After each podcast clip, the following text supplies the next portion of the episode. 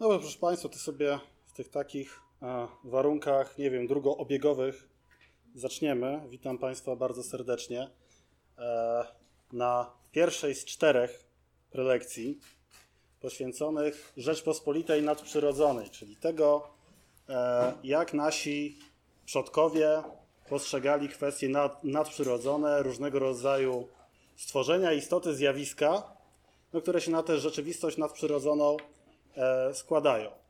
E, takim rodzajem okładki, który też będzie w wersji audio, która się potem e, ukaże na, na kanale i na, i na Spotify, e, jest ilustracja z tak zwanego IKACA, czyli Ilustrowanego Kuriera Codziennego. Jest to gazeta e, krakowska, e, rok 1912, 25 maja i tam był nagłówek Święto Wiosny. No i ta mm, ilustracja no i jest oczywiście taka, jaka była w ówczesnej prasie codziennej, no czyli jak y, wchodził temat na agendę gdzieś tam koło godziny 12, to najpóźniej do godziny 22 już wszystko musiało być złożone, więc wygląda to jak wygląda. E, natomiast jest to oczywiście ciekawe ze, ze względu na te dwie rzeczywistości, które widzimy.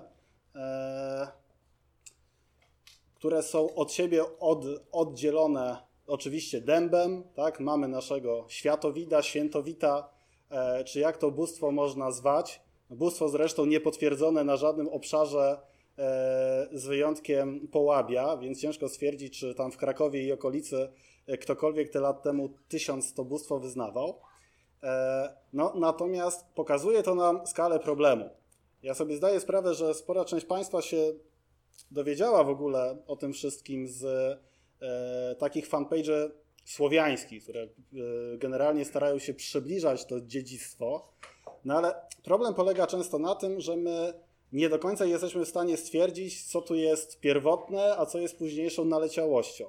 Z tego względu, że Słowianie nie pisali. To jest pierwszy wielki problem z ludnością słowiańską. My oczywiście na tej na tej ilustracji widzimy jakieś tutaj znaki, które mają być tymi e, runami słowiańskimi.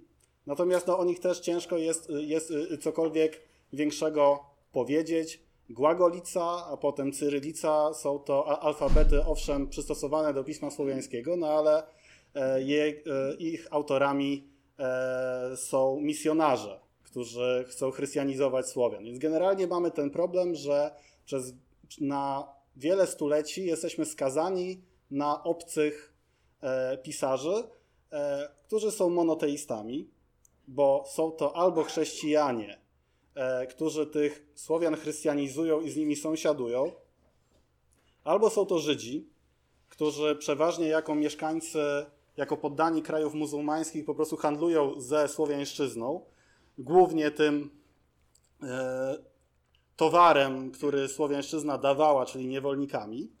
E, no i mamy wreszcie samych tych kupców muzułmańskich, no, dla których byliśmy ważnym e, rezerwuarem surowca. E, wszystkie te trzy grupy mm, miały zdecydowane zdanie na temat pogan, na temat bałwochwalców, no i generalnie rzecz biorąc, oni się nie musieli pytać Słowian, mm, co oni myślą, jakie mają wierzenia, bo oni przecież doskonale wiedzieli, jakie mieli. I tylko kwestia ich, prawda, opisania czy zgodnie z Torą i Talmudem, czy zgodnie z tą e, całą tradycją mm, patrystyczną w chrześcijaństwie, czy wreszcie zgodnie z Koranem. Dlatego cała masa rzeczy, które wiemy z tamtych źródeł, no nie do końca możemy im ufać, czy to rzeczywiście chodzi o Słowian, dlatego że chociażby jest ta kwestia, że lubiano w mm, średniowieczu po prostu przepisywać fragmenty wcześniejszych kronik. I tak E, wiele rzeczy dotyczących Słowian. Wcześniej dotyczyło Germanów, wcześniej dotyczyło Celtów, Scytów. E, I no, oczywiście jest jakby szansa na to, że jakiś uczony, jakiś pisarz, dla którego przecież językiem e, rodzimym nie była łacina, zwyczajnie sobie po prostu przepisał fragment tekstu, bo, no, no, no bo w sumie od, odpowiadał. Natomiast no, rodzą się różnego rodzaju wątpliwości. Wątpliwości są też tej natury, że no, istnieje owszem ortodoksyjne chrześcijaństwo, ale no, można się spierać o to, ile, ile, ile, chrze, ile, ile chrześcijan z dziada, pradziada wierzyło w ten sposób. E, więc jest ta kwestia, że ten folklor, na podstawie którego my to odtwarzamy, e, jest schrystianizowany, ale to jest takie chrześcijaństwo dla, no, na poziomie takim, że prawda, Matka Boża poszła na, na, na Miedniewickie Łąki, e, żeby tam rozwiesić pranie. To, że tak powiem, jest, e, no może nie, nie cytat dokładny, ale, ale słyszałem takie kazanie e, biskupa z, z, z, z, Zawitkowskiego właśnie w Miedniewicach. No i, i pytanie, czy na podstawie tego typu ładnych literackich wstawek można rekonstruować czyjąś religię. No ja tutaj w czasie tych, tego wykładu, tych w ogóle prelekcji nie będę e, tego rozdzielał. Tak? Są tego typu oczywiście badacze, którzy się starają mm, e, robić takie rzeczy, natomiast no, ja się nie czuję na tyle władny. Ja będę, po, ja, ja będę po prostu przedstawiał Państwu to, to, co mamy ze źródeł. Tak? I tutaj zostawiam już Państwo e, interpretacji, e, co w cichości własnych sumień uważacie właśnie za te kwestie pogańskie, a co jest już schrystianizowane. E, możliwe, że bo, bo, bo, na wydarzeniu to u, u, u, udostępniałem się, Państwo zapoznaliście z moim podcastem na temat tam, co przetrwało z tych, z tych sło, słowiańskich wierzeń i ja tam się powołuję na prawda, Stanisława ze, ze Skarbimierza, postać bardzo istotną, bardzo ważną w dziejach e, polskiej myśli, który miał właśnie kazanie o E, o zabobonach, gdzie połowa tego kazania jest przepisana z innych kazań o zabobonach. Naj, e, najstarsze to, to jest późna starożytność. No i, ale on tam opisuje szereg właśnie zjawisk. Tak? Na przykład kwestia tego, że e, wierni obgryzali świece w kościele, żeby ten wosk zabierać do domu i wykorzystywać w celach magicznych. No i tutaj jest to wielkie pytanie, na ile to jest kwestia słowiańska, a na ile to już jest zabobon zupełnie chrześcijański tak? Czy mamy właśnie kwestię tego, że składano Wielki Piątek jajka pod, pod krzyżami przydrożnymi na znak prawda, szacunku dla, mm, dla ukrzyżowanego Chrystusa. No i jest to pytanie, czy te akurat jajka składano w tej jakby części roku jakimś innym bóstwom, czy też zupełnie nie, czy to jest coś jakby e, zupełnie wtórnego. Niestety Stanisław ze, ze Skarbimierza najprawdopodobniej nie prowadził żadnych terenowych badań, I jak już się zbliża do, do jakiegoś mo e, momentu, że możemy e, domniemywać, że coś widział, jak na przykład mm, jak opisuje noc kupały, czyli coś, co mamy pewnie właśnie tutaj ilustrowanego, tylko nie mamy ognia, E, to jak to zaczyna opisywać, no to zaraz potem kończy mówiąc, a robią tam tak obrzydliwe rzeczy, że aż szkoda o tym pisać. No i w efekcie tego nie wiemy, co takiego, ob, co takiego mm, ob, obrzydliwego tam robią. E, ja w czasie tej prelekcji będę, będę opowiadał najpierw o czasach, dokładnie najpierw o czasach e, w życiu człowieka, kiedy jest narażony, zwłaszcza na te kwestie nadprzyrodzone, E, potem sobie przejdę do, do tego, co w domu mogło być nawiedzone, no a potem będziemy już iść prawda, w kierunku coraz dalszych od ludzkich siedzib, gdzie można te różnego rodzaju stwory, stworzenia, demony, bożki, boginki spotykać. Tak? Oczywiście mnóstwo jest, jest tych terminów, one od lat e, spędzają sens powiek etnografom, co pod każdym z nich należy, e, należy rozumieć. A, czyli nie w tę stronę, czyli w ten sposób. E, więc tak. E, oczywiście wszystkie mm, momenty związane z poczęciem dziecka, z ciążą, no i jak to dziecko jest bardzo małe. Dzieci e, generalnie rzecz biorąc miały przywabiać wszelkiego rodzaju ciemne moce.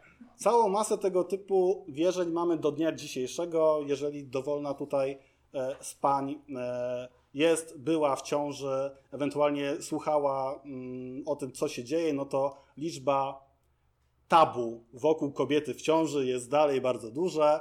Tak, nie można na przykład nosić łańcuszka, bo tu się wtedy dziecko e, na pewno udusi pępowiną. E, najlepiej, prawda, żeby, żeby kobieta nie patrzyła na kopulujące psy, bo, no, bo, no bo wtedy e, dziecko będzie miało nadmierny apetyt seksualny. E, najlepiej, żeby, żeby nie oglądało też brzydkich ludzi, bo będzie brzydkie e, i tak dalej, i tak dalej. I to naprawdę ma się dobrze, nie tylko na jakichś zupełnych zaściankach. Jest to pewien atawizm, jest to coś, co naprawdę towarzyszy nam od, e, od, bardzo, od bardzo długiego czasu. Więc małe dzieci rzeczywiście są takim elementem, no, przywabiającym złe moce. Ale są też elementem, żeby e, przywabiać łaskę Bożą. Jak na przykład złapie nas burza na morzu, albo na jakiejś większej rzece, co bardziej w warunkach Polski jest, y, jest prawdopodobne, to jak błagamy Boga o zmiłowanie, to dobrze jest wziąć niemowlaka w ręce e, i prawda mówić, no je, jeżeli już musisz prawda tutaj burzę robić, no to chociaż wspomnij na, na niewinność tego dziecka, nie zabijaj, tak? Dziecko jest takim dosyć przydatnym rekwizytem w tym, że jest prawda małe, słodkie, niewinne i na pewno dzięki temu e, będzie lepiej. Na przykład e, w czasie mm, w czasie również ślubu. Ślub jest takim ważnym momentem, e, to również tam dzieci są, e, są bardzo istotne, również w właśnie przywabianiu dobrych mocy, w, w odstraszaniu e, mocy złych. Dalej jakby funkcjonuje w wielu miejscach kraju różnego rodzaju wykup u dzieci. Właśnie jeszcze w XIX wieku bywały mm, całe piosenki, które, które wtedy śpiewały dzieci, że, e, że rozmawiały z aniołkami e, w jakimś tam miejscu i te aniołki im, im, im powiedziały, że, że się szykuje ślub i że mają, prawda, przekazać swoje błogosławieństwa, że nie ma rzeczy za darmo, no to dawać cukierki, tak? Generalnie do tego się to wszystko sprowadza, chociaż pamiętajmy o tym, że dla dzieci w XIX wieku to nie cukierki były jako, jako podstawowe łakocie, tylko alkohol tak? I, w, I generalnie, jeżeli chcieliśmy mieć odpowiednią asystę dzieci do prawda czegokolwiek, trzeba było kupić dwie butelki spirytusu i każdemu według, z, e, z, według pracy trzeba było swoje wydzielić.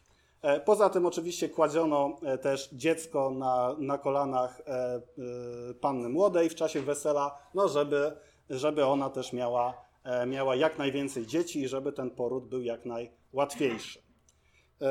Oczywiście mamy kolejny moment taki zupełnie przełomowy, jest to moment śmierci. Śmierć również przywabia e, wszelkiego rodzaju duchy i dobre i złe.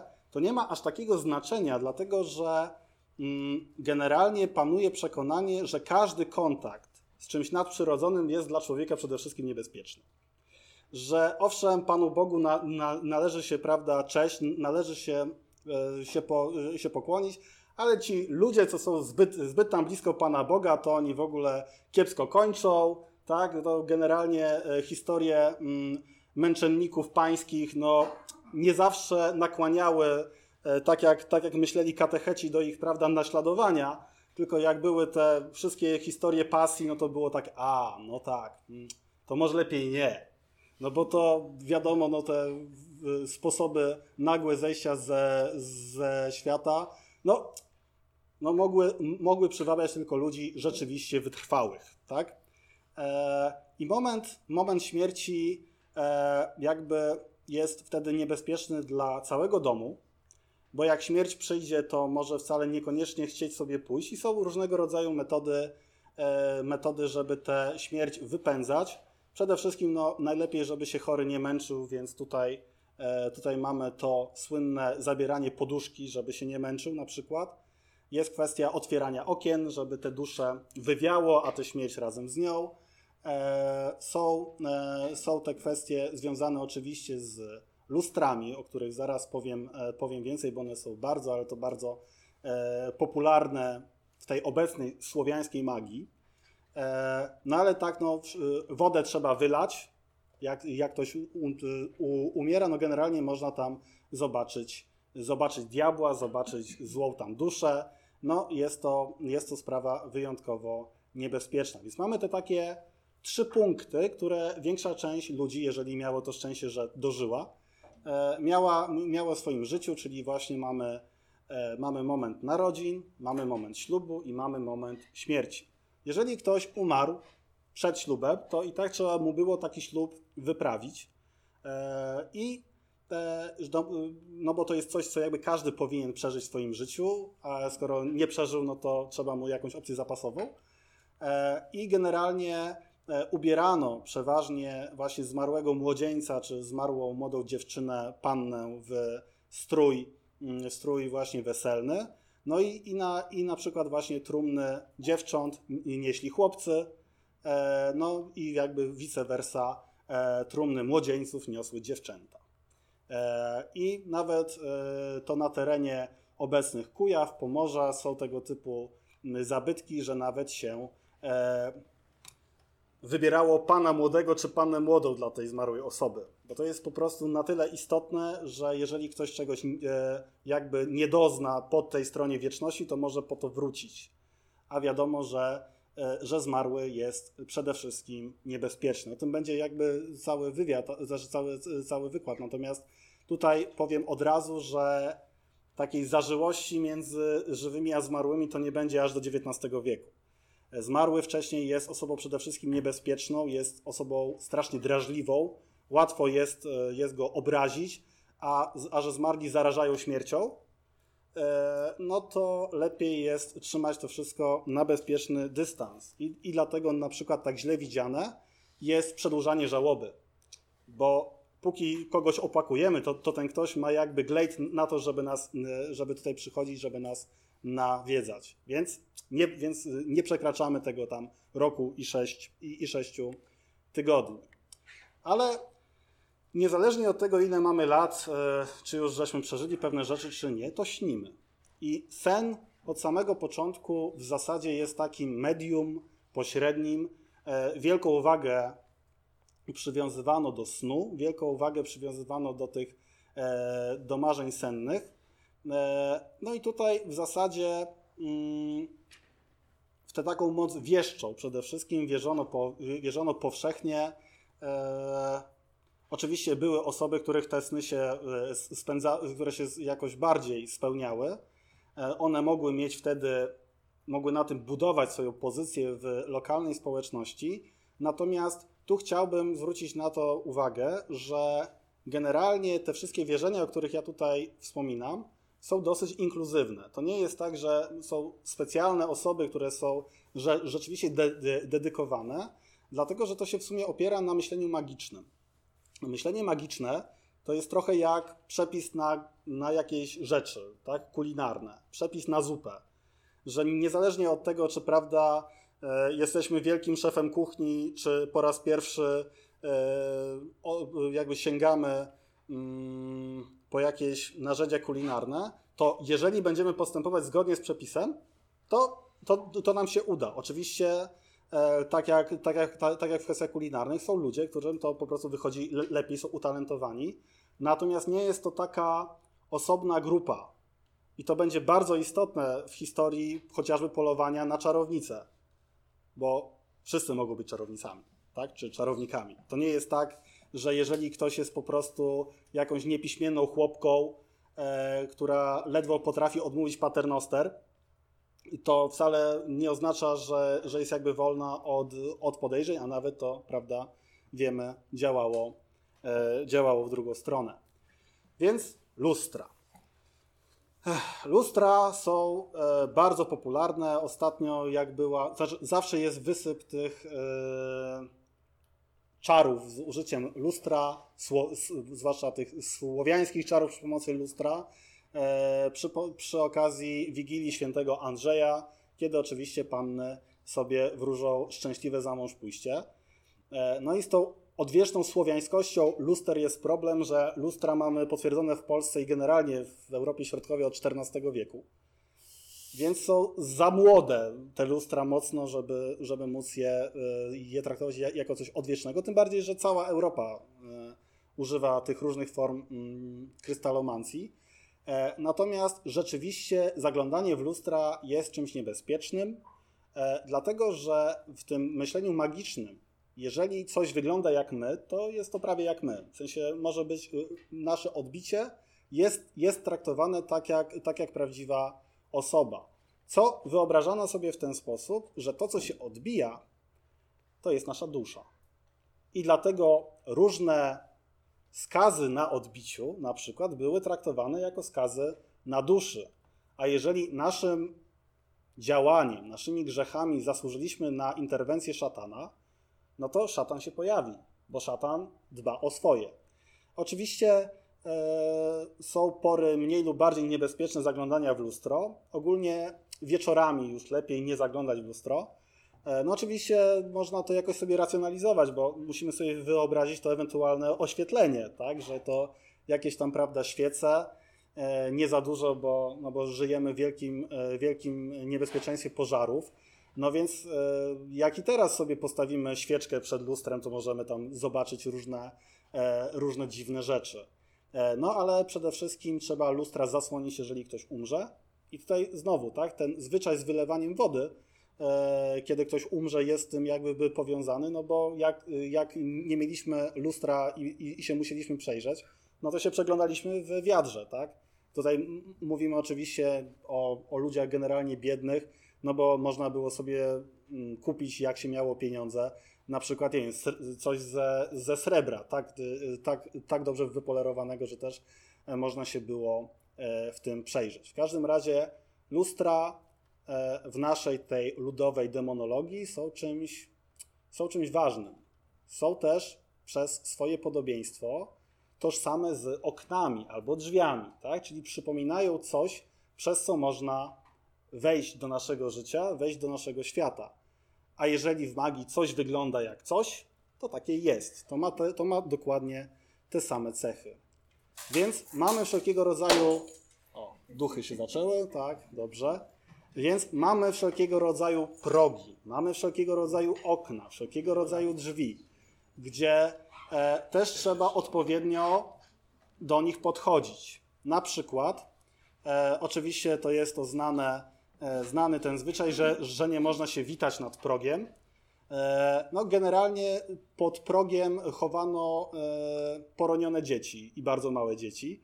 E, I one potem stawały się ubożętami, E, albo no, jeżeli się o nie źle jakby e, troszczyło, no to stawały się porońcami i mogły być niebezpieczne, jak ktoś grał Wiedźmina, e, który stał się jednym z głównych po prostu e, źródeł, tak, stał się po prostu elementem popularyzacji wierzeń słowiańskich, no to wie, e, wie jakby z, mm, jak to jest z tymi właśnie porońcami.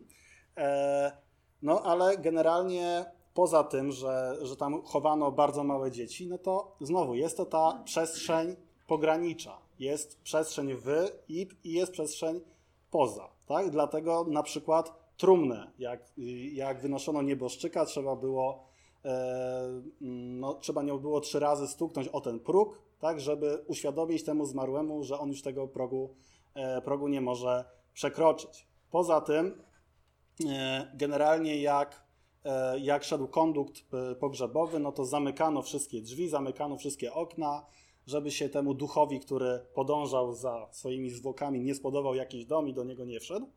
E, poza tym, e, tym bardziej było niebezpieczne, zwłaszcza w miastach, żeby patrzeć na, na zmarłego z góry, e, bo to zmarły mógł sobie wtedy pomyśleć, że się patrzy na niego z góry, więc się patrzy na, na, na niego z takim, a, ty nie żyjesz, a ja, a, ja, a, a ja żyję, a to bardzo zmarłych denerwowało. I to też E, jeżeli widzieliśmy gdzieś, prawda, z daleka kondukt, no to najlepiej było w ogóle zejść z tego piętra na parter.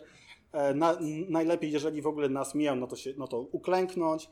Jeżeli, jeżeli były, mm, jeżeli były sady i się pracowało na drzewach, no to trzeba było z tych drzew zejść. Są, są tego typu sprawy sądowe, nawet gdzie właśnie oskarżają mieszczanie, którzy no, mieszczanie, czy tam, no, mieszkańcy miasteczka oskarżają biskupa, znaczy biskupa, Boże, proboszcza, e, że, że on złym, że on, że on złą drogą przeprowadza te kondukty i oni muszą przerywać pracę, nie? No bo się boją. E, więc no, to jest rzecz że, rzeczywiście istotna, więc w tych progach można napotkać różne rzeczy. E, więc jeżeli wyjdziemy z domu i nie daj Boże czegoś zapomnimy z tego domu, to nie możemy się zbyt szybko odwrócić, bo możemy coś zobaczyć w progu naszego domu. Więc najlepiej jest się odwrócić bardzo powoli, żeby to coś, co już się pojawiło, zdążyło zejść pod ziemię i wtedy dopiero iść, tak? A nawet w przypadku mogił, e, które mijamy, e, jeżeli zapomnieliśmy rzucić garść ziemi czy jakiś patyczek na tę mogiłę w uznaniu e, naszego szacunku dla zmarłego, to lepiej się wycofać do tej mogiły, nie odwracając się.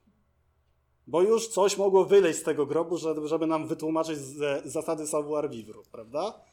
E, zresztą właśnie mm, akurat ten zwyczaj bardziej się ostał w kulturze żydowskiej, tak? E, Żydzi e, zamiast zniczy mm, tak tradycyjnie kładą na, na grobach kamienie, no bo to jest właśnie z tych prawda czasów, kiedy no, praktycznym wymiarem szacunku wobec zmarłego było położenie tam jakichś kamieni na, na, na, jego grobie, czy jakichś cierni, żeby tego psy nie rozkopały i żeby tego, e, tego zmarłego nie zjadły. E, więc widzimy tutaj no, naprawdę długie trwanie, tak? no bo to jest przynajmniej no, 3,5 tysiąca lat e, tradycji.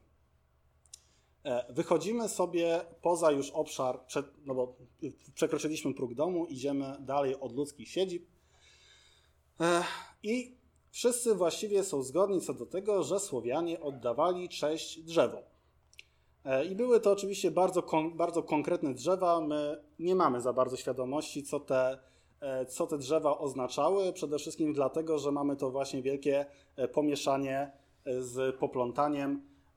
Mamy na przykład wielką karierę mm, osiki, tak, która to osika miała drżeć, dlatego że kiedy, kiedy Chrystusa przybijano do, do, do krzyża, to zadrżały wszystkie drzewa poza, o, poza właśnie osiką i osika została ukarana, że będzie się trzęsła już zawsze. No więc Słowianie tak, nie, tak siłą rzeczy nie mogli uważać. Tak? Z drugiej strony właśnie podobno na tym drzewie, to jest w ogóle bardzo niefartowne drzewo, miał się yy, powiesić Judasz. I z tego też względu e, jest to drzewo, że tak powiem, użytkowane bardzo mocno we, we wszelkiego rodzaju no, zjawiskach takich, no, które zakrawają na, nie, na, na nieposłuszeństwo e, przeciwko Bogu. Zresztą na dwa sposoby była używana, żeby komuś szkodzić, no ale też była używana do, do tego, aby, aby skutecznie, nie wiem, zabijać wampiry, tak? E, no bo była elementem kary Bożej na, prawda, zdrajcu, zdrajcy Judaszu. E, więc widzimy, że tych interpretacji jest mnóstwo i żadna z nich nas, nas nie przybliża do, do tego, co ci akurat Słowianie myśleli na temat jednego czy drugiego drzewa. E, natomiast wiemy, e, że bardzo dużym poważaniem się cieszyły dęby. Do tego stopnia, że nawet jak mamy już zupełnie schrystianizowane historie, to te dęby dalej się pojawiają. E, to na dębie było gniazdo, na którym, e, no, od, od którego rozpoczyna się historia Gniezna. E, to, to pod dębem właśnie zasnął Leszek Czarny, kiedy mu się, mm, kiedy, i, i jakby wtedy miał, miał tę wizję, przyszli aniołowie, Archanioł Michał razem z nimi i powiedział, prawda, wstawaj, wróg, wróg na, na ciebie czeka i dzięki temu Leszek Czarny obronił Lubelszczyznę przed, przed najazdem Prusów albo tam Lit, y, y, y, Litwinów. Zresztą Artur Andrus na ten temat nagrał bardzo fajną piosenkę Leszku, synu Kazimierza, bardzo polecam. E, więc na pewno dąb. Tak, i oczywiście są też różnego rodzaju teorie. E, jedna z takich teorii mówi o tym, że no, dęby ze względu na jakby swoją e, wielkość, wysokość bardzo często padały ofiarą pioruna. E, no a my żeśmy mieli oddawać głównie cześć Bogu, Bogu błyskawicy, który bardzo długo nie jest, nie jest w źródłach nazywany z imienia, że jest to Perun, czy Perkun, ale czy Perun, czy Perkun, no to to mamy z kolei potwierdzone tylko dla Słowiańszczyzny Wschodniej z kolei. Więc wiemy, że, że, że takiemu Bogu oddawano cześć w Kijowie i w Nowogrodzie, ale czy tutaj e, no to nie, nie do końca, no ale że, że to miał być jeden z E, powodów. No, to jest oczywiście trudne do, e, trudne do teraz mm, rozsądzenia. Natomiast na pewno Słowianie oddawali cześć, jak to się brzydko mówi, ciekom wodnym. E, stawom, jeziorom, rzekom, morzu, jeżeli mieszkali nad morzem. No i tam w, tymże, w, ty, w tychże różnych ciekach wodnych żyły różnego rodzaju stworzenia. One się bardzo różnie nazywały w zależności od tego, kogo zapytano. No ale my mamy taką wspólną dla nich nazwę ru, rusałe, które w międzyczasie nabrały wielu greckich cech nimf, więc też jest ciężko stwierdzić, co rzeczywiście pochodzi tutaj od, od samych Słowian, a co jest taką właśnie mm, no, erudycyjną na, naleciałością. No ale generalnie e, woda była uważana za niebezpieczną z jednej strony, no a z drugiej była niezbędna do życia. E, więc trzeba było się z tymi wszystkimi bóstwami w jakiś sposób dogadać. I one, tutaj właśnie jest ta specyfika polski, e, słowiańskiego folkloru, że te wszystkie istoty demoniczne, jakkolwiek przeważnie są, są jakby niebezpieczne dla, dla człowieka, to są jednak do obłaskawienia, że one czegoś potrzebują, że one czegoś chcą. No, a jak jest, in, a jak jest e, interes, no to tylko targujemy się o cenę, prawda? E, więc są te różnego rodzaju historie, w ogóle jak te, jak te istoty się tworzą, więc często są to dusze zmarłych osób w jakichś y, okolicznościach. No, przeważnie jeżeli się utopią, no to są utopcami, więc są taką podwodną wersją zombie apokalipsy w zasadzie, byśmy powiedzieli. E, nic nadzwyczajnego, natomiast no tutaj zwłaszcza młode dziewczęta e, porzucone przed ślubem, e, no to miały, że tak powiem, dużą szansę na to, żeby, żeby zostać takimi rusałkami, no i one oczywiście w nienawiści do wszystkich mężczyzn, zwłaszcza młodzieńców, topiły. No ale w tych różnego rodzaju historiach często są takie dobre strony tych istot. Tak? Ja myślę, że to jest kwestia tego, że to były bardzo lokalne kulty, więc pomimo tego, że, że, że to były, prawda, nie wiem, rusałki, utopce, yy, jakieś tam, prawda, biesy, to to były nasze rusałki czy biesy. No w sensie, no wiadomo, no, żyje się z nimi tak jak z kiepskimi, e, z, z, z, z kiepskimi sąsiadami, no ale jakoś, jakoś żyć, żyć, żyć tam trzeba i one obrastały takimi w sumie dosyć też pozytywnymi historiami. Można że, że, rzeczywiście odnaleźć w folklorze sporo tych właśnie historii o tym, jak to takie rusałki na przykład e, ostrzegły mieszkańców e, przed jakby pojawieniem się jakiegoś niebezpieczeństwa. Więc od razu widać, że to wychodzi poza, mm, poza takie klasyczne daję, żebyś dał, przeważnie święty spokój, albo dał mi żyć, e, tylko właśnie przechodzi to w jakieś takie bardziej zażyłe stosunki. No chociaż jak tutaj, jak możemy się przekonać, wiele tych historii no jednak nie kończy się dobrze dla, e, dla głównego bohatera. No ale to jest, to jest też ta kwestia, że w ogóle w folklorze jest taki mocny prąd antyfeministyczny, jeżeli się tam, jeżeli się w tych opowieściach pojawiają jakieś silne postacie kobiece, to praktycznie zawsze jako antagonistki E, więc no, może tutaj trzeba, trzeba to jakby, tak, że to e, odzwierciedla jakiś po prostu pierwotny strach przed silną babą, tak? I to e, oczywiście nie będę tutaj, to znaczy są jakby tego, tego typu bardziej mocne interpretacje, jeżeli kogoś interesują, no to mity, mity greckie Gravesa są pełne takiego właśnie E, pokazywania, no, łączenia Freuda z mitologią, nie? że generalnie e, to co, mm, to, to, co prowadzi każdego mm, mężczyznę w relacjach z kobietami, to jest strach przed, strach przed kastracją. Nie? Więc to tego, tego typu rzeczy też możemy w folklorze e, oczywiście znaleźć. Natomiast e, robi się bardziej mm, większy problem z błotami, z błotami, bagnami, e, dlatego że E, bardzo często w ogóle e, nawet ci istotni etnografowie twierdzą, że te informacje o błotach to jest jakaś właśnie pomyłka, że to była próba, mm, e, że to była próba takiego umniejszenia, lekceważenia Słowian, że oni tam jakimś bagnom oddają cześć. Natomiast nie da się ukryć, że bagna na naszych ziemiach służą temu, czemu na terenie szeroko rozumianego Morza Śródziemnego, wybrzeży Morza Śródziemnego służą pustynie. I te wszelkiego rodzaju stworzenia, e, które żyją, w którymi można wejść w jakąś interakcję na bagnach, no to mają dokładnie tę samą mentalność, co, e, co wszelkiego rodzaju istoty pustynne.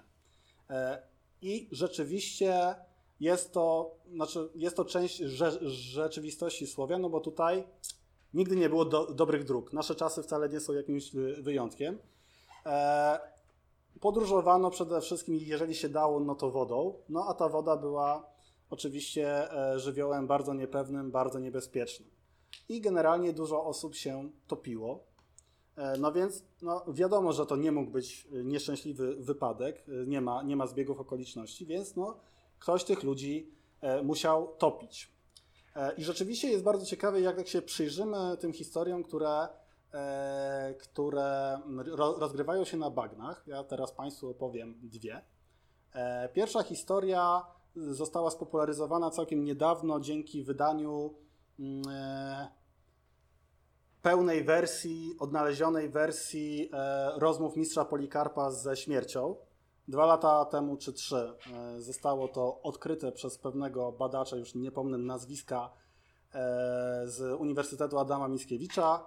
Zresztą tu, przepraszam za dygresję, ale ten człowiek napisał najbardziej szczerą dedykację, jaką w życiu widziałem w książkach, czyli zadedykował to sobie z wielkiej litery.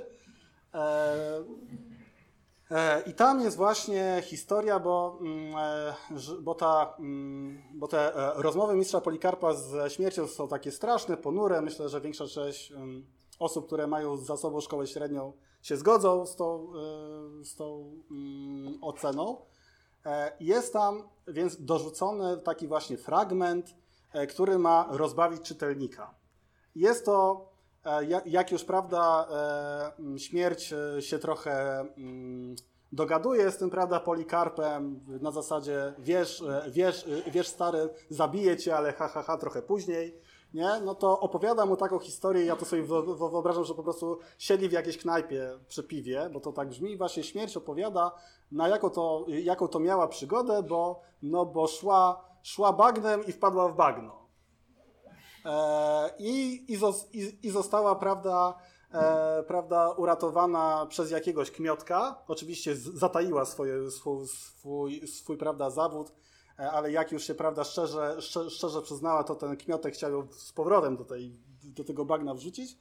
No ale ostatecznie, prawda, się powołali na, na, na coś na kształt prawa niespodzianki i po prostu e, śmierć się zgodziła na to, żeby być e, matką chrzestną e, dziecka tego, tego właśnie kmiotka. To może Państwu przypominać e, legendę znaczy baśń braci Grimm, gdzie też jest właśnie taka, taka właśnie historia. No generalnie e, Kmiotek uznał, że po prostu mm, złapał Pana Boga za nogi, no wrzeni się w taką rodzinę jak śmierć. To już po prostu lepiej, lepiej nie może być.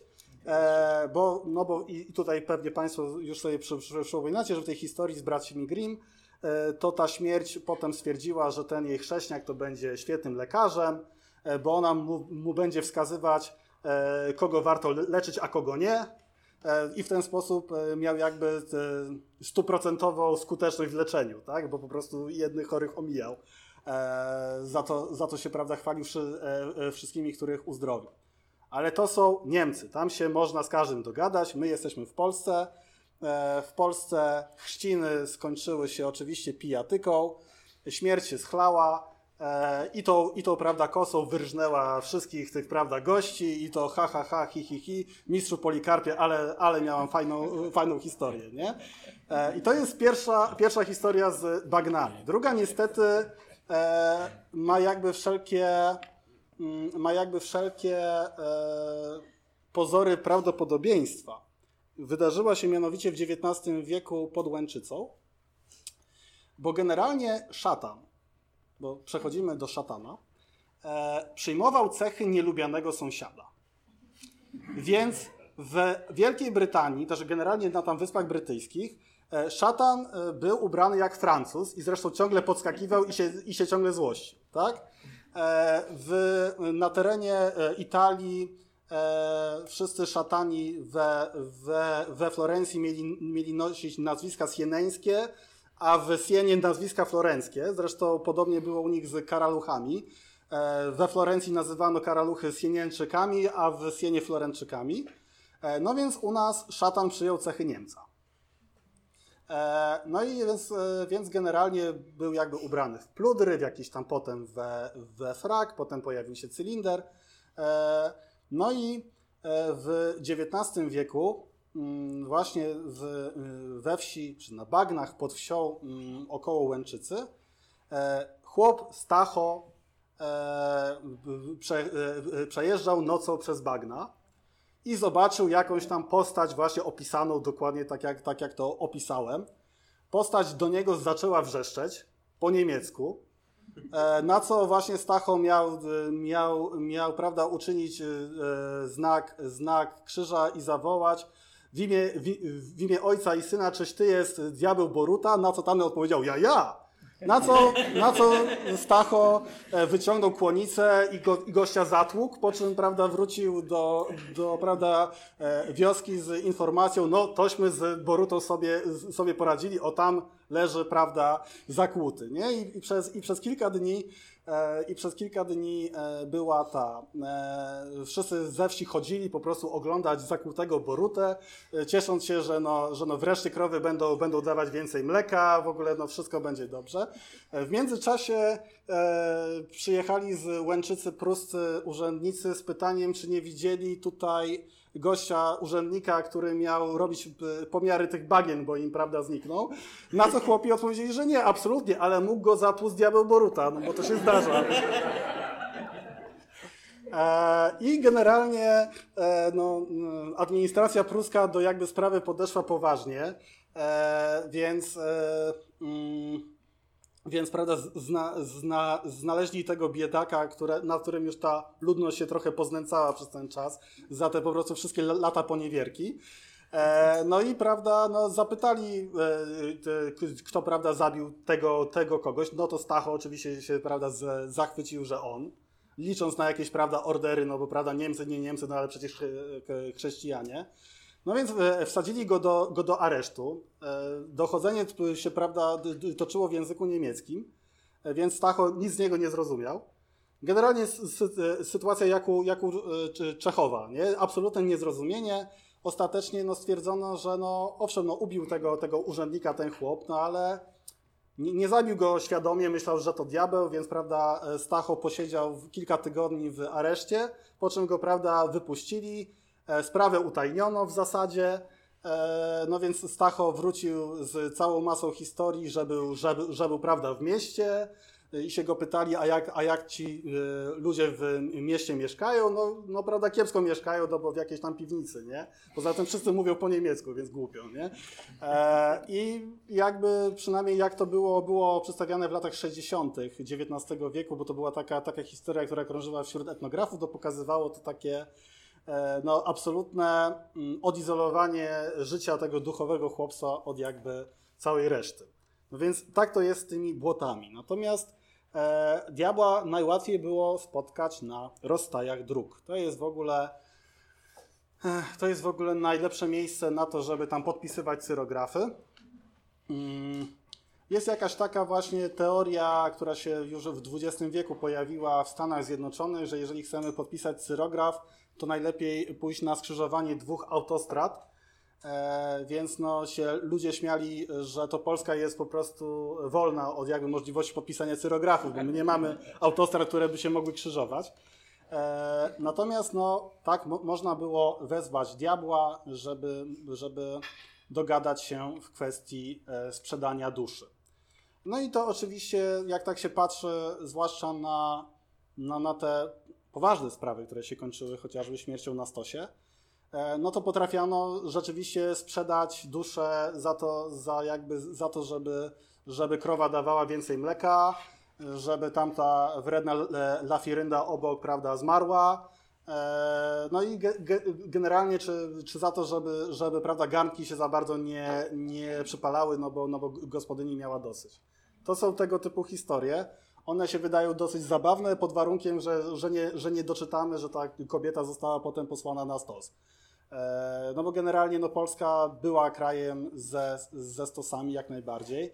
Owszem, no, nie była to takiej makabry, e, tak jak była w Niemczech, czy tak jak była w mm, purytańskiej Nowej Anglii. No ale w przeciągu 200 lat e, między 20 a 40 tysięcy osób w ten sposób zginęło. E, a tutaj mamy tylko te osoby, które zostały. Znaczy, to jest oczywiście szac, e, szacunek, no bo nie mamy wszystkich ksiąg z tego czasu, ale, ale takie, są, szacunki, a to są tylko sprawy sądowe, nie mówimy o wszelkiego rodzaju samosądach, które no wiadomo też się mogły, mm, też się mogły zdarzać. No, rozstaje trochę służą jak próg, nie? bo to jest znowu e, możliwość e, wyjścia w jakiś inny obszar. Są też takim miejscem przejścia. Poza tym na rozstajach e, na przykład grzebano wszelkiego rodzaju niebezpieczne zwłoki, czyli samobójców, włóczęgów, topielców, których się udało z tej prawda, wody mm, wyłowić. Często na rozstajach dróg były też miejsca mm, kaźni, no, możemy sobie wyobrazić dlaczego. No, gdzie, gdzie się drogi krzy, krzyżują, tam więcej osób e, może tego wisielca minąć i, i, i, prawda, zastanowić się drugi raz nad tym, e, czy, mm, czy na pewno warto popełnić jakiekolwiek przestępstwa. No ale nie da się ukryć, że te właśnie rozstaje e, no, stały się takim elementem wyjątkowo groźnym w naszej, mm, no, w naszym, w naszej tej demonologii. No i nie, i, nie, i, niektóre te jakby elementy zostały nawet do dnia, do dnia dzisiejszego. E, przeważnie, jeżeli e, są jakieś terenowe badania i etnografowie pytają, a gdzie u was straszy, to oj, panoćku, nie? No i to przeważnie jest rozstaj dróg. I na rzecz, że, że też ci mm, słuchacze no, nie, są, nie są w ciemię bici. No, etnografia ma już, prawda, 200 lat oni, oni po prostu wiedzą, co jakby trzeba tym, tym prawda, ludziom mówić, żeby ta wódka się dalej lała, nie? E, więc no, to jest ten problem. Na przykład e, ta historia o tym, prawda, Stachu pod Łęczycą, e, to jest to historia absolutnie nieznana w dobie Kolberga, natomiast zro, zro, zrobiła się bardzo znana w drugiej, po, drugiej połowie XX wieku i ją chłopi w całej Polsce opowiadają jako, jako swoją lokalną, tylko tam w miejsce Boruty i w miejsce Stacha i Łęczycy jest, prawda, ktoś tam inny. No ale generalnie e, jest tutaj widać ten, ten wpływ, tak, który, który ma jakby e, literatura.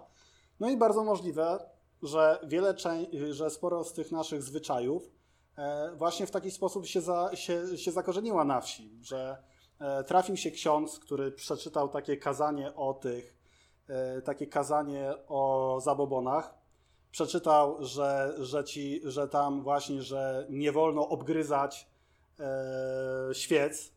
No i chłopi, którzy absolutnie nigdy o tym nie pomyśleli, że to może rzeczywiście nie jest głupie i zaczęli te świece po prostu obgryzać, tak? E, no, bo, no bo czymś trzeba się, czymś się trzeba, prawda, y, zainspirować. E, no oczywiście miejscem Mm, gdzie można było spotkać wielu zmarłych, e, wiele różnego rodzaju istot, to oczywiście cmentarz. Tak? Cmentarze poza murami miast, poza mm, ludzkimi siedzibami to jest stosunkowo nowy wynalazek. Generalnie one aż do końcówki XVIII wieku były wokół cmentarzy, Kościół. wokół kościołów, przepraszam, oczywiście. E, kościół też był cmentarzem, tam się chowali ci, których było na to stać. E, no więc kościoły również były bardzo na, nawiedzonymi mm, miejscami, tym bardziej, że szatan należał do sakrum. Tak? Więc e, aż właśnie do tego XIX wieku nikomu nie przyszło do głowy, że na przykład szatan nie może przestąpić poświęconej ziemi. Owszem, jemu jest tam niewygodnie w jakiś tam sposób. Natomiast generalnie, gdzie, się, e, gdzie, ma, gdzie jest większa aktywność Boga, tam automatycznie uaktywnia się też ta druga strona. Więc nie tyle kościoły były wolne od szatana, ile byli tam specjaliści od tego, żeby tego szatana po prostu stamtąd wyrzucać. E, I te metody czasami zyskują zupełnie mm, inne tłumaczenie. Na przykład w Krakowie przed katedrą wawelską wiszą kości. E, I każdy średnio rozgarnięty przewodnik po Krakowie powie wam, że są to oczywiście kości smoka wawelskiego. E, no tylko, że, że to jest jakaś późno XIX-wieczna interpretacja, bo nikt tego tak wcześniej nie nazywa. Nawet jak, e, jak jest taki, taki facet, w, kilku jest takich go, gości w XVI wieku, którzy szukają smoków w całej Europie i właśnie piszą na Wawel, że słyszeliśmy, że u was, je, że u was są jakieś kości smoka, nie? No to im tam cierpliwie opisują, nie, to nie są kości smoka, są to kości mm, zwierząt, które, które Pan Bóg wytracił w czasie potopu. E, no, różnie, różnie z tym, prawda, zbywaniem było. Czasami prosili, prawda, o jakby rysunki, no, pics or didn't happen, prawda, czy to na pewno jest smog, czy nie smog, no bo może jakiś tam kanonik przy katedrze nie wie, w, jak, w jaki sposób wygląda smog, tak? E, w każdym razie te kości wisiały w bardzo wielu miejscach, bardzo wielu, bardzo wielu kościołach na terenie Rusi Czerwonej i na terenie Małopolski i one właśnie miały moc odstraszania diabła. One właśnie miały dbać o to, żeby ten szatan nie przestąpił progu świątyni. E, temu służy na przykład kadzenie ołtarza, że jakiś, jakiś diabeł mógł tam po prostu sobie usiąść na takim ołtarzu e, i mógł, i mógł, że tak powiem, sprofanować to jakby święte miejsce. E, więc no oczywiście, oczywiście e, obecność zmarłych, e, którzy są bliżej diabła, e, bliżej tych spraw nadprzyrodzonych, no sprawiała, że że cmentarze uchodziły za te miejsca wyjątkowo nawiedzone. Aczkolwiek e, rzeczywiście taka prawdziwa kariera e, nawiedzonego cmentarza to jest wiek XIX, kiedy one odchodzą e, od kościołów, z tego względu, że na tych cmentarzach wcześniejszych dzieje się tysiące innych rzeczy. Tam nie ma, tam nie ma praktycznie żadnych pomników, żadnych nagrobków, e, a tam się rozgrywają wszystkie procesje. E, tam są targi. Jeżeli jesteśmy w mieście, no to wiadomo, że tego miejsca, e, miejsca brakuje. E, tam do jakby XVII wieku handlowano mięsem surowym, na przykład na cmentarzach, a pamiętajmy, że, że biednych chowano w masowych dołach, które zakopywano, kiedy się wypełniły. Więc generalnie no, duże miasta to były wy, wy, wyczuwalne na, na trzy dni drogi, E, i w, i w czasie upałów ludzie mdleli z, e, po prostu z tego, z tego smrodu. Oczywiście, e, oczywiście po części to była kwestia tego, że, że wspaniałym pomysłem na mm, wysypisko śmieci było wrzucanie wszystkich odpadków do fosy miejskiej, co nie pomagało, padły zwierzęta również. Natomiast no, ten jakby smród, smród cmentarny to jest coś, co opisują wszyscy podróżnicy po, po Europie. Jeżeli jadą z, z mniejszego miasta, gdzie, gdzie, gdzie do natężenia smrodu są e, przyzwyczajeni, do na przykład Paryża. E, to Paryż podobno śmierdział przy dobrym wietrze na 100 kilometrów. E, I jest to, że tak powiem, poziom, który osiągnęła Warszawa tylko, w, tylko latem 1945 roku, kiedy, kiedy wszystkie ofiary powstania warszawskiego, które leżały na, na ulicach, no, rozkładały się dosyć intensywnie. A Paryż w wieku XVIII bite 80 lat tak śmierdział, dzień, dzień po dniu i zdziwienie, że, że co 20 lat jest prawda zaraza. Oczywiście zarazy nikt jakby z brakiem hi, hi, higieny nie, nie wiązał, bo zaraza jest czym? Jest karą za grzechy. Więc ludzie grzeszą, szatan przychodzi, E, i za, i za, i za dopuszczeniem Bożym dziesiątkuje to miasto.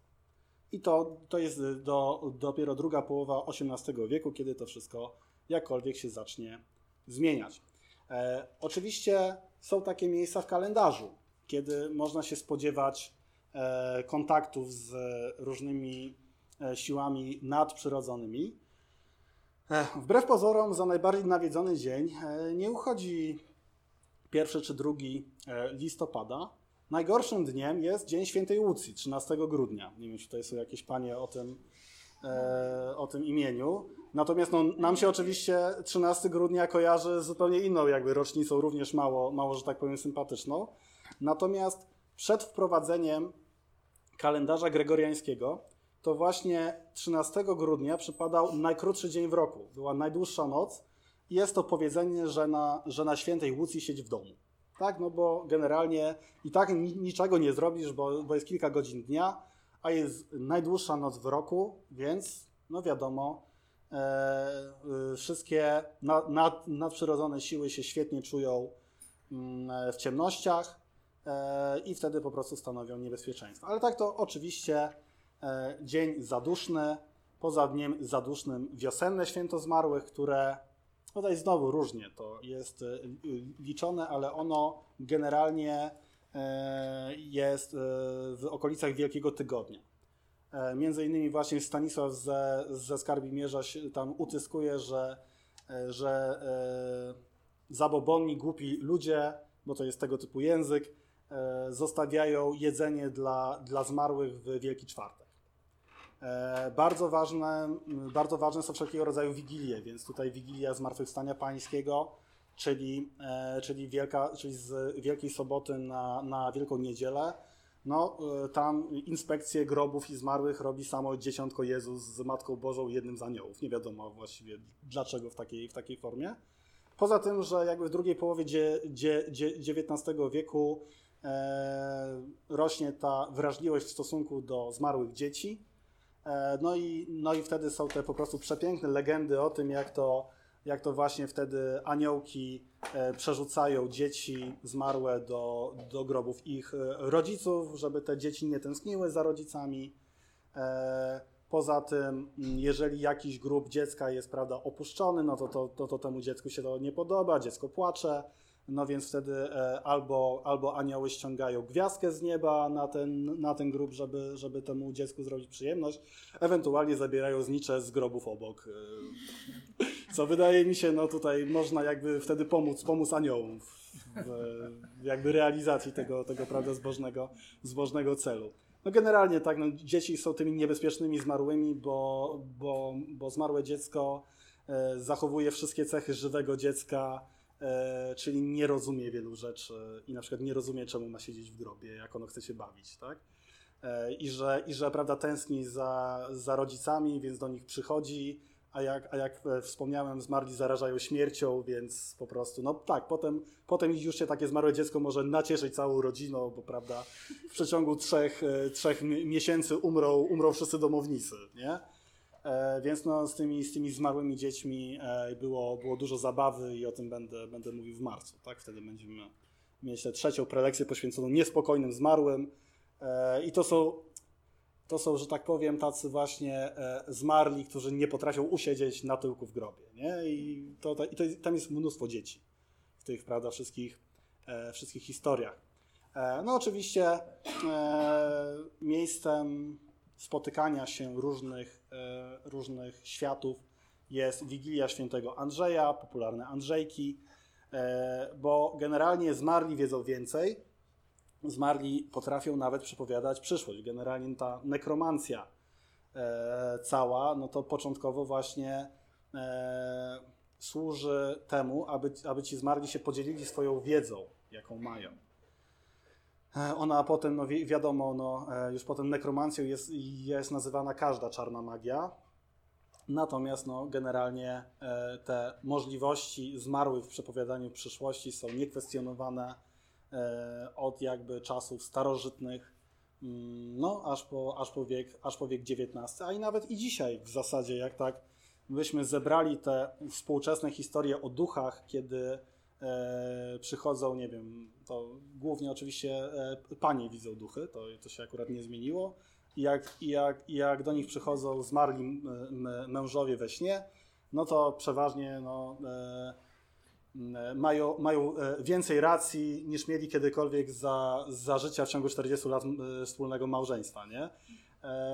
Więc jest rzeczywiście ta, ta mocna wiara w to, że w te momenty roku, kiedy mm, te światy się jakoś zbliżają do, do siebie, no, można zawrzeć jakąś taką komunikację, która będzie dla nas bezpieczna. No bo oczywiście, jak tutaj E, jak tutaj widzieliśmy niejednokrotnie, no to e, wystarczy, że jest jakiś e, pruski urzędnik w okolicy i już możemy trafić na, na diabła, tak?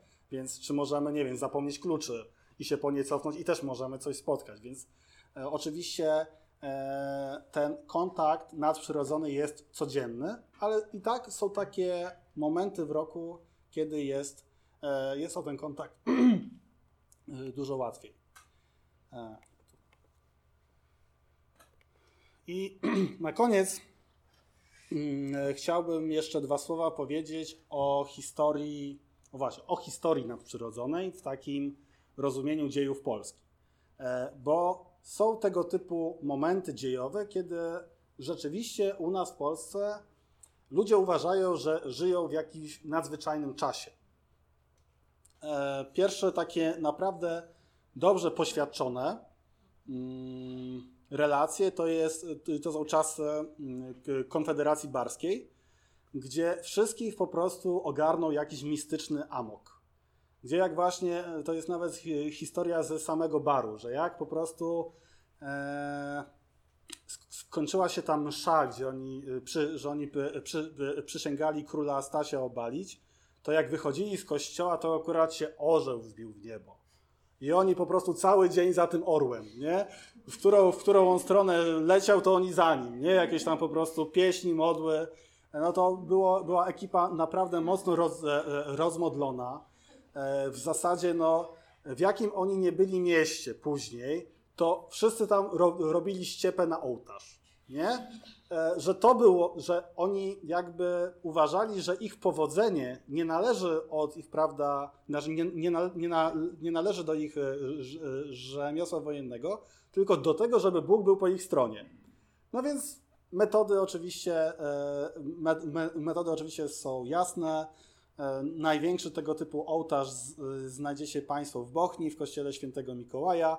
Jest to potężny ołtarz. Naprawdę kilka armat można byłoby za niego kupić, e, ale prawda, e, wybrano taką, taką, a nie inną formę.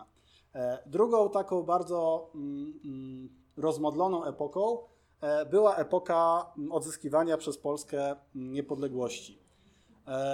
I to był, i to był oczywiście proces trwający lat kilka.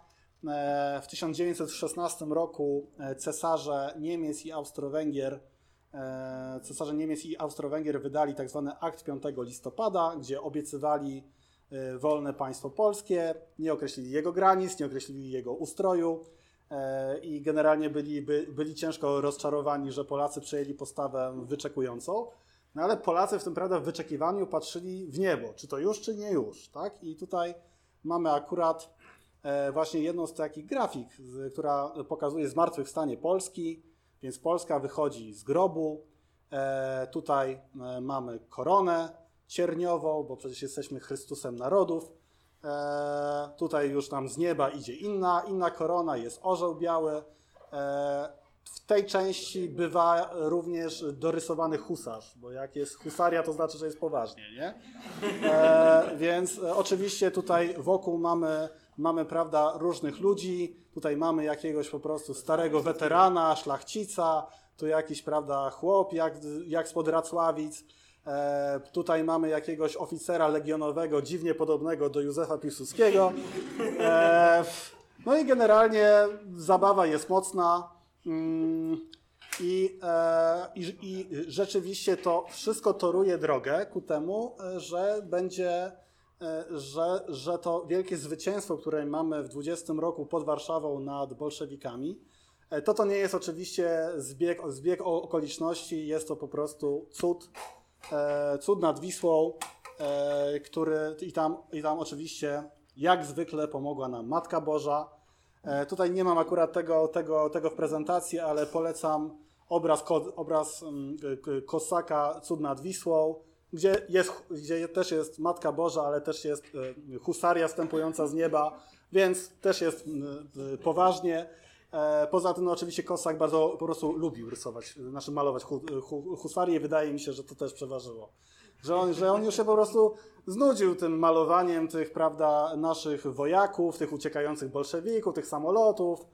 Prawda, on by tak sobie husarza namalował, bo już dawno nie, nie namalował żadnego husarza, więc cały zastęp, prawda, z Matką Bożą. E, natomiast no tutaj śmiech jakby śmiechem, natomiast e, rzeczywiście w relacjach ludzi z międzywojnia, e, którzy pamiętali odzyskanie niepodległości, to wszystko jest rzeczywistość cudowna, rzeczywistość nadprzyrodzona.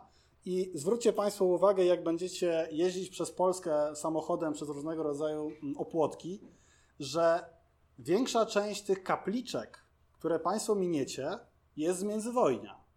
E, I bardzo często jest tam, prawda, dorzucona intencja, że właśnie o, w drugą rocznicę od odzyskania niepodległości. Albo wręcz, e, prawda, to jest bardzo popularne na południowym Mazowszu, Maryjo, dziękuję za wolność. Nie? I ogólnie było takie mocne, e, mocne e, przekonanie, że no, no myśmy się bardzo nie zmienili nie? przez te 100 lat. E, więc coś, co się zmieniło, jest poza nami. E, to jest zresztą zupełnie odwrotna, wydaje mi się, mentalność niż ta, którą mamy dzisiaj, gdzie mamy, że to, co jest najważniejsze na, na świecie, to się dzieje w Polsce, nie? E, I akurat u nas, że nasze, że nasze sprawy mają taki wymiar, wymiar globalny. Natomiast są to te właśnie tradycje, tak? Pokazywania tego, że obok człowieka funkcjonuje jeszcze ten świat nadprzyrodzony i to często to ten świat nadprzyrodzony ma to swoje znaczy ma, mm, ma swoją wartość i ma ostatnie słowo w sprawach człowieka. E, no i w ten sposób żeśmy dobrnęli do szczęśliwego końca. Dokładnie tyle mówiłem, ile miałem, jestem z siebie dumny. E, nie, nie popadłem w żadne dygresje o martwych dzieciach, więc moment oczywiście obrzydliwej autoreklamy. Ja wiem, że Państwo praktycznie pewnie wszyscy jesteście tutaj z tego wydarzenia. Ewentualnie ktoś Wam o tym po prostu mm, po, powiedział, kto widział to wydarzenie, natomiast zachęcam oczywiście do, do lajkowania Mówi Wieko, a nie, przepraszam, część z Państwa mogło się, się, do, się dowiedzieć z radia o tym. E, bo, bo tutaj zresztą pewnie właśnie dzięki, e, dzięki temu, że, że, że się spotykamy w takim, w takim e, miejscu, zresztą Zresztą pani z radia była, była bardzo zdziwiona, że ja nie jestem członkiem Towarzystwa Przyjaciół Warszawy. I chyba trochę rozczarowana była tym, że nie jestem członkiem Towarzystwa Przyjaciół Warszawy. Może to nadrobimy, jeżeli pani, pani prezes pozdrowi, e, e, e, pozwoli.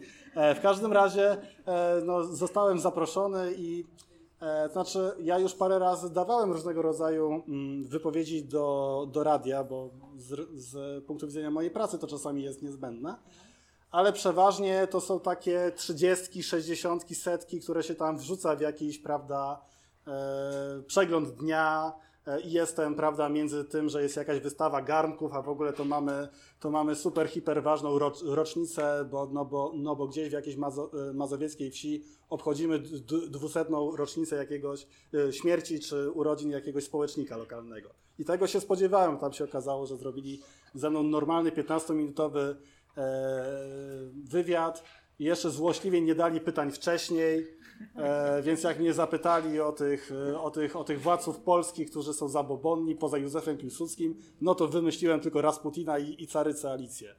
Więc to przykro mi bardzo, postaram się następnym razem jakoś to, jakoś to, nad, to nadrobić.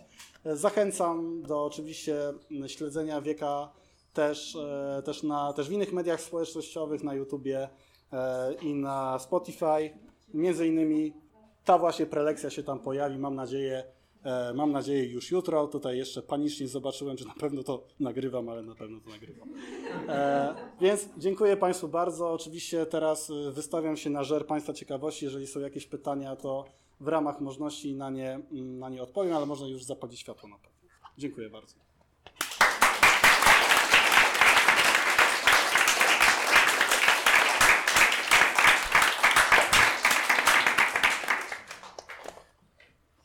Może nie tyle. Pytanie o.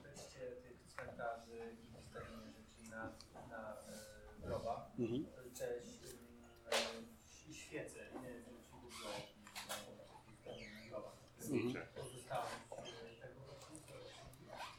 Eee, ciężko stwierdzić. Znaczy, bardziej to, co nam by, nam by zostało, to, to, to, to jakbyśmy jednak zostawiali tam jakąś żywność czy, czy napój. Dlatego, że. Tak, na przykład, no albo, albo, albo w krajach mm, latynoskich czy generalnie hiszpańskojęzycznych. Generalnie znicze pojawiają się w połowie XIX wieku i na początku są odrzucone jako po prostu zachodnia nowinka. E, poza, zwłaszcza, że znicze mają zupełnie odwrotną symbolikę niż to do, to, do czego jesteśmy przyzwyczajeni, bo owszem, zmarłego otaczano całą masą świec. Ale te świece służyły temu, żeby ten zmarły miał jak najmniej siły, żeby nam szkodzić.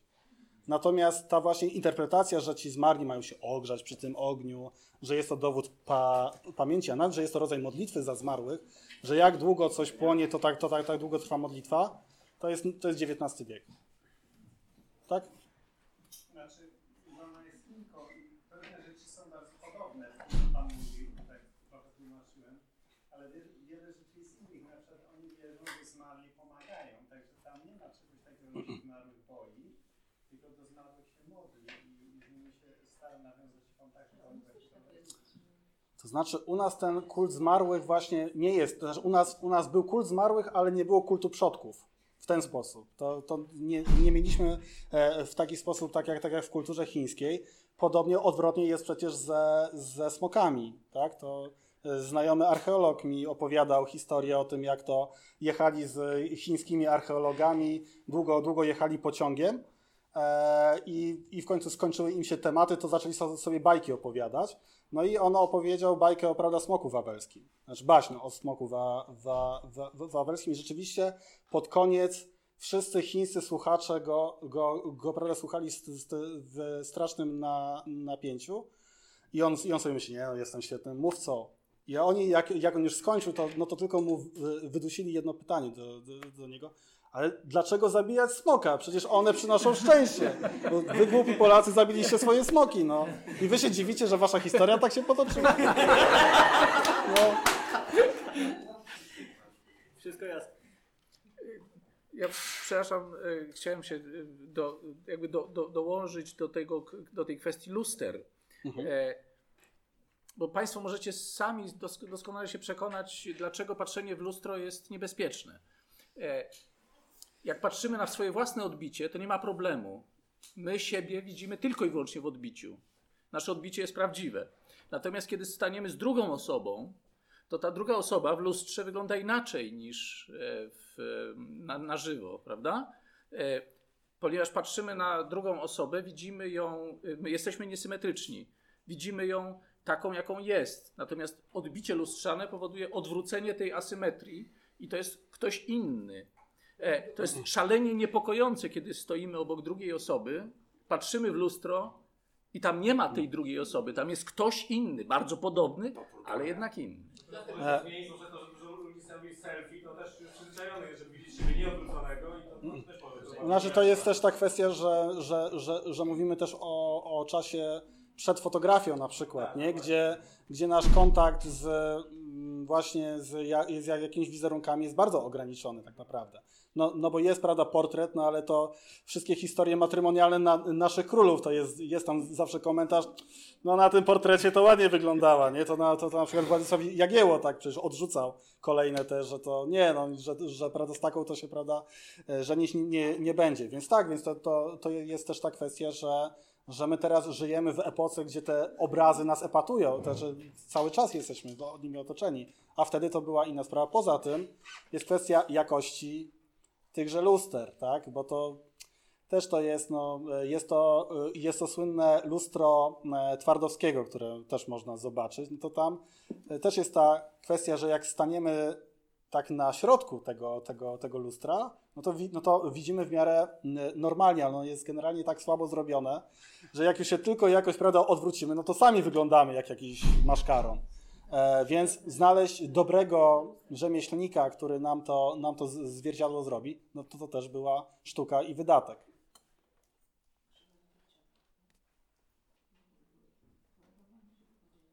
Po raz pierwszy. Znaczy, jeżeli Państwo. A, przepraszam. Jeśli chodzi o zawracanie się e, do domu, w sensie u mnie, u mnie w domu e, mama mówi, że trzeba usiąść, jak się zawróci. Czy pan wie dlaczego? Na terenach wschodniej Europy, Ukraina, Białoruś też to występuje powszechnie. E, to znaczy, generalnie mm, tam e, są, różne, znaczy są, są e, różnego rodzaju prze, przesądy z tym związane rzeczywiście, że na przykład jeżeli do nas przyjdzie gość, że w ogóle, tak, że jakby, że przed wyjściem z domu trzeba, trzeba usiąść, bo jeżeli gość nam wejdzie do domu i wyjdzie z niego wcześniej e, nie, nie siedząc choćby na, na moment, to na pewno zabierze sen dziecka tej nocy. Więc no generalnie, jeżeli chcemy, chce- chcemy przespać noc, no, no to trzeba tego gościa, prawda, usadzić chociaż na moment. E, no, no jest to oczywiście kwestia e, też tego, żeby, żeby dać po prostu czas temu, temu wszystkiemu, co już jakby harcuje pod naszą nieobecność. Nie znam innych, że tak powiem, wytłumaczeń. Ale to może być też takie wytłumaczenie, że jeżeli siadamy i stoimy, to wychodzimy od nowa. Na przykład. Nie wróciliśmy się. Na przykład, tak. Jeśli chodzi o wychodzenie z domu, to już na Gorszczyźnie, jeśli ktoś wyjeżdżał na dłużej na jakąś wyprawę, to trzeba było za nim chusnąć wodą. Mhm. Miejsca pewna, ale, ale trzeba było. Na czemu, ale... Żeby się nie wrócił. Nie, znaczy generalnie no, chlapanie wodą no to ma, ma jakby te wszystkie kwestie takie oczyszczające, prawda? Więc, e, więc no to no, bez jakby wody też nie ma, nie ma, ży, nie ma ży- życia. To jest to takie podstawowe, ogólnoludzkie e, założenie tych wszystkich zwyczajów. Z lokalnego patriotyzmu chciałbym bardzo zaprotestować przeciwko traktowaniu Boruty jako Niemca. E, nigdy Boruta, e, poza tą, e, jak pan sam przyznał, dwudziestowieczną opowiastką, 19. No. e, Mhm. ale spopularyzowaną w XX wieku jakoś tak szczególnie. E, Boruta jest naszym bardzo, bardzo polskim diabłem. Bardzo e, szlacheckim. Bardzo diabłem. szlacheckim diabłem. Jest Zresztą wojewodą, różny, tak. e, e, różne jego emanacje występują. I przy okazji tego Boruty, jak najbardziej polskiego, i w nawiązaniu do słów, że diabeł wcale niekoniecznie musi się bać miejsca świętego, czyli, czyli kościoła, to jest taka przepiękna opowieść o tym, jak się z łęczyckimi szewcami Boruta spił w karczmie. I oni próbowali, e, domyślali się, że to Boruta, bo za, za dobre buty miał na sobie, a oni są byli szewcami, wiedzieli jak się buty robi. E, i próbowali go e, wystraszyć, odstraszyć od siebie i zaczęli śpiewać święte pieśni. Na co on się nawet przyłączył do chóru, a potem sobie bąknął pod nosem, a teraz ja was zaprowadzę i rzucił hasła, teraz wszyscy na jutrznie do e, tłumu pod Łęczycą e, idziemy do kościoła. I takich poprowadził, że oni się tam w, w rzece, e, lud skruszył, oni się tam w rzece zaczęli topić. I jest przepiękna informacja o tym, że przybyli inni czarci, żeby Borucie pomóc. I najstraszniejsi z nich udawali głosy żon tych szewców. Więc, e, znaczy tego, tego typu historie będę, będę opowiadał za miesiąc. W Wigilię Walentynek jest kolejna prelekcja i jest właśnie poświęcona diabłom, gdzie właśnie tego typu historie, tak, będziemy sobie opowiadać. Mm, tak, i też tutaj. Mal będzie czynny, więc zabierzemy stamtąd krzesła, tak. No. Dobrze, jeżeli są jakieś pytania... Ile te wierzenia odpowiadają y, y, gnozie, y, taki, takiemu ruchowi chrześcijańskiemu, y, okultyzmowi i może jeszcze psychotronice? Ojej, o, trudno odpowiedzieć w kilku słowach w zasadzie, tak? Natomiast e, e, na pewno te wszystkie kwestie związane z dualizmem, tak? y, Są w sumie w miarę, mm, w miarę tożsame. Natomiast no tutaj, ojejku, ciężko jest, jest, jest odpowiedzieć w kilku słowach. Na pewno są jakby pewne punkty, punkty styczne, bo ta gnoza starożytna jakby sięgała do całej masy za, tych właśnie za, za, zabiegów magicznych y, późnego pogaństwa, jak, jak my to na, nazywamy. Na, natomiast no, w przypadku tych naszych słowiańskich wierzeń, no to są to po prostu te jakieś zbiegi okoliczności. Właściwie może nie tyle zbiegi okoliczności, co zbieżności ze, ze, ze, ze względu na to, no, że byliśmy ludem indoeuropejskim i całą masę mitologii mamy jakby wspólną zarówno z Irańczykami, Grekami, Rzymianami, no bo, no bo gdzieś tam, te prawda, 3000 lat temu y, wszyscy siedzieliśmy w syberyjskim stepie i nie mieliśmy lepszych rz- rzeczy do roboty, tylko sobie opowiadać historię, prawda? Tak bardzo oczywiście spłycając temat. Ja mam pytanie o wybieranie y, małżonka zmarłej osobie. Czy taka osoba, która została wybrana takim współmałżonkiem, ona była jakoś obarczona jakimś tam piętnem, że nie mogła wyjść faktycznie y, za mąż czy ożenić się? Nie, ona miała po prostu swoje miejsce w czasie stypy. Więc to, to jakby nie było nic, aczkolwiek rzeczywiście są jakby historie, które chyba już, chyba Kolberg, a może, może ktoś później mówi, że, że ten zwyczaj zanika, dlatego że potem jest, jest ciężko się ożenić komuś, kto właśnie pełnił taką rolę. Bo jego pierwsza żona jest martwa i to jest zła jakby wróżba na przyszłość. Więc, no tak, zdecydowanie. Dobrze, jeżeli są jakieś pytania w kuluarach, to oczywiście chętnie na nie odpowiem. A na razie bardzo dziękuję Państwu. No i zapraszam, mam nadzieję, że za miesiąc niecały. Czy